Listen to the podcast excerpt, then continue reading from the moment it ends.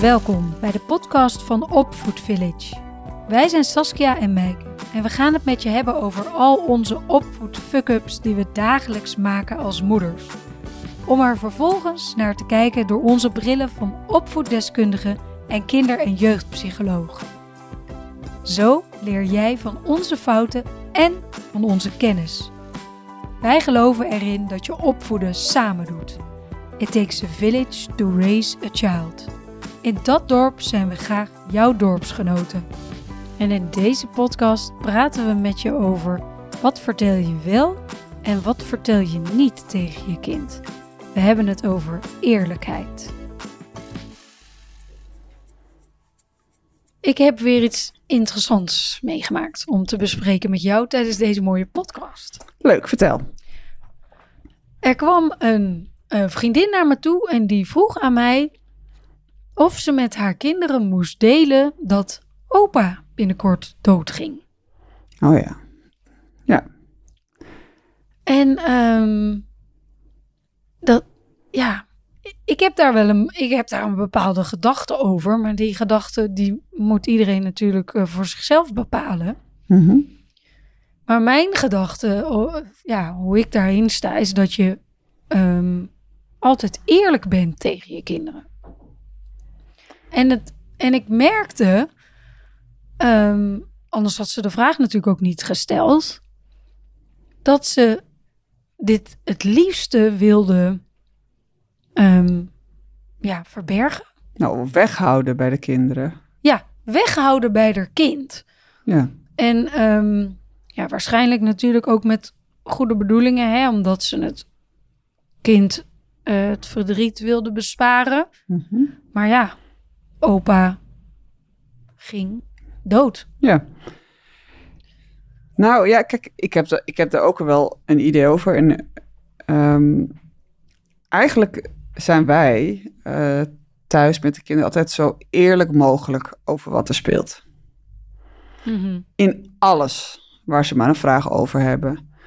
Maar helemaal Ja. bij iets zoals dit. Want ehm, als je vader ziek is of op sterven ligt, geeft dat natuurlijk bij jezelf hele heftige emoties ehm, Ja. en spanning. En je kind voelt alles. Hè? Ehm, kinderen drijven op de energie van hun ouders. Dat, dat, Mm. dat heb je vast ook wel eens gemerkt. Op het moment dat jij niet goed in je vel zit, dan, ga je, dan is je kind op z'n allervervelendst. En als jij lekker ontspannen en chill bent, dan zijn je kinderen dat meestal ook.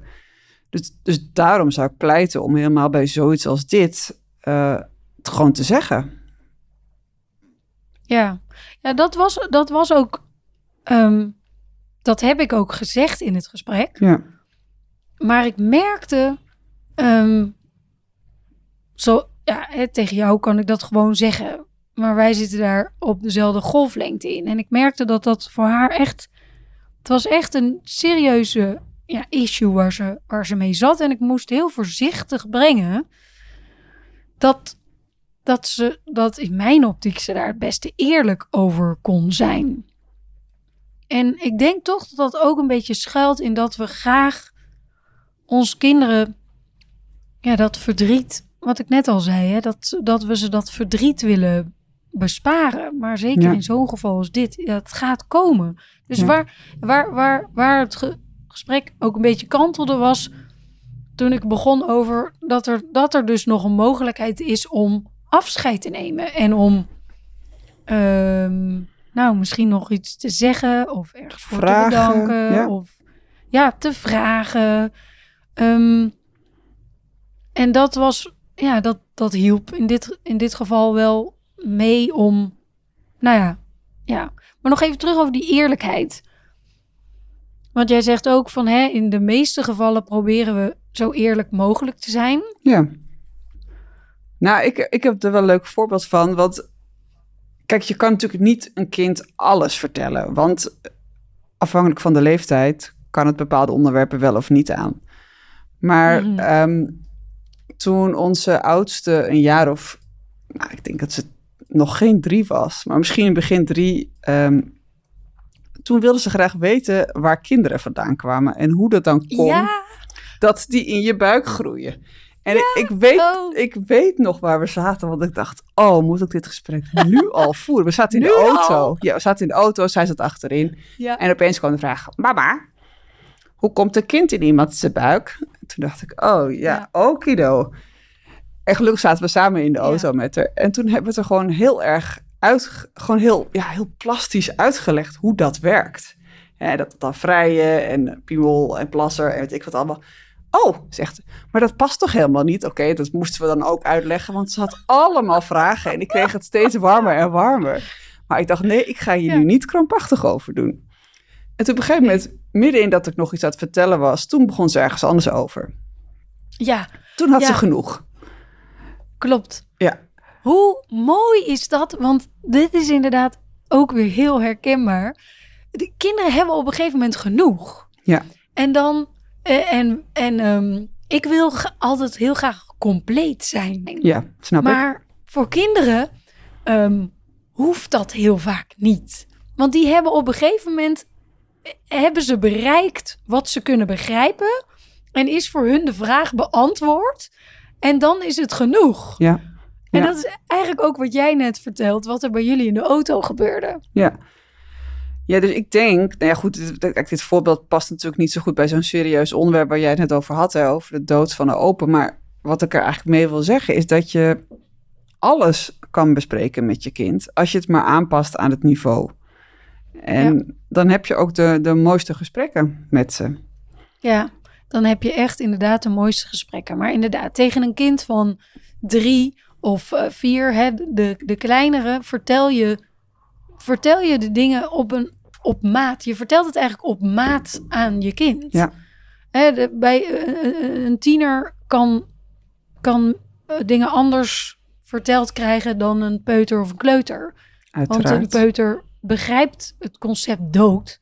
Ja, dat leg je heel anders uit aan zo'n kleintje dan aan een grotere. Die, ja, Ja. Die hebben een veel groter begrip. Dus het is echt op maat. Ik denk ook dat je alles kan vertellen als je maar in oplet. eh, hoe oud is het kind en wat begrijpen ze wel of wat begrijpen ze niet. Maar wat ook zo leuk is, ik vind het altijd zo mooi om die nieuwsgierigheid ehm, van kinderen ook, ook te zien. Want ook heb, ehm, nou, bij jou beginnen ze over de bloemen en de bijtjes. Ja, precies. Wij hadden laatst ook dat het ging ook over, ja, eh, over scheidingen. Ja, Dat dat, dat, maar als je dan hoort, hè, de nieuwsgierigheid en ja, ik, ik ook daar open over, open op niveau. Maar dan ontstaat er inderdaad een heel mooi gesprek. Ja. Dat ik echt denk van, oh, daar zouden we soms als grote mensen echt nog iets van kunnen leren. nou wat ik had te denken, op het moment dat we niet open zijn Mhm. Over zaken die belangrijk zijn, dan gaat het kind de gaten zelf invullen. Ja. Want zo zijn onze breinen nou eenmaal gewired. Hè? Als we iets niet snappen of er zit een, Een gat. een gat in de kennis die we hebben, dan vullen we dat op met de kennis die we hebben. En dan kunnen er ook gewoon hele rare dingen ontstaan in die koppies. Hè, bijvoorbeeld over scheiding. Als je dat dus niet goed uitlegt aan je kind. Hè, dat soms ja, zijn mensen niet meer zo verliefd op elkaar. Of eh, nou, soms is er gewoon een, een derde in het spel. Wat open bloot is. Dus dan kan je dat ook gewoon vertellen. Maar als je dat niet doet, dan gaat het een heel eigen leven leiden in, in het hoofd van Ja. je kind.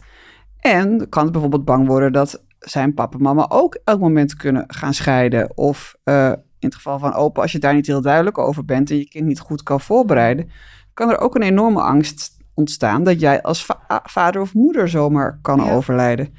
Dus alleen daarom al denk ik, het is goed om je kind ook de kennis te geven over het leven, zodat ze daar een compleet plaatje van kunnen maken in Ja. hun hoofd. Ja, en het mooie dus, is dus ook als het plaatje compleet is in hun hoofd, dan, dan stoppen, ze, met vragen. Precies. Ze gaan door totdat het plaatje helder is. Maar als wij dan spastisch gaan lopen doen en, en niet de, Ja. ehm, nou ja, ja, goede, tussen aanhalingstekens antwoorden geven, dan vullen ze het dus zelf inderdaad in. Ja, ja en ik Ja. denk, in mijn voorbeeld was ik wellicht niet helemaal ehm, informatief genoeg geweest. Want mijn oudste zei tegen mij: Mama, ik ga van jou scheiden. ja, dat is dus zo'n gat wat nog niet helemaal opgevuld was. zo. Mooi, En toen zei hij, super. en dan neem ik papa mee. Dus ergens, ergens had hij het wel soort van begrepen. Maar goed, gelukkig, het, we stonden tanden te poetsen en ik deed iets niet goed. En toen zei hij, mama, ik ga van je scheiden. Ja. Ah, Mooi. Ja. Nog wat uitlegwerk ja, te dat, doen daar eh, dus. ja, daar zat nog een gat.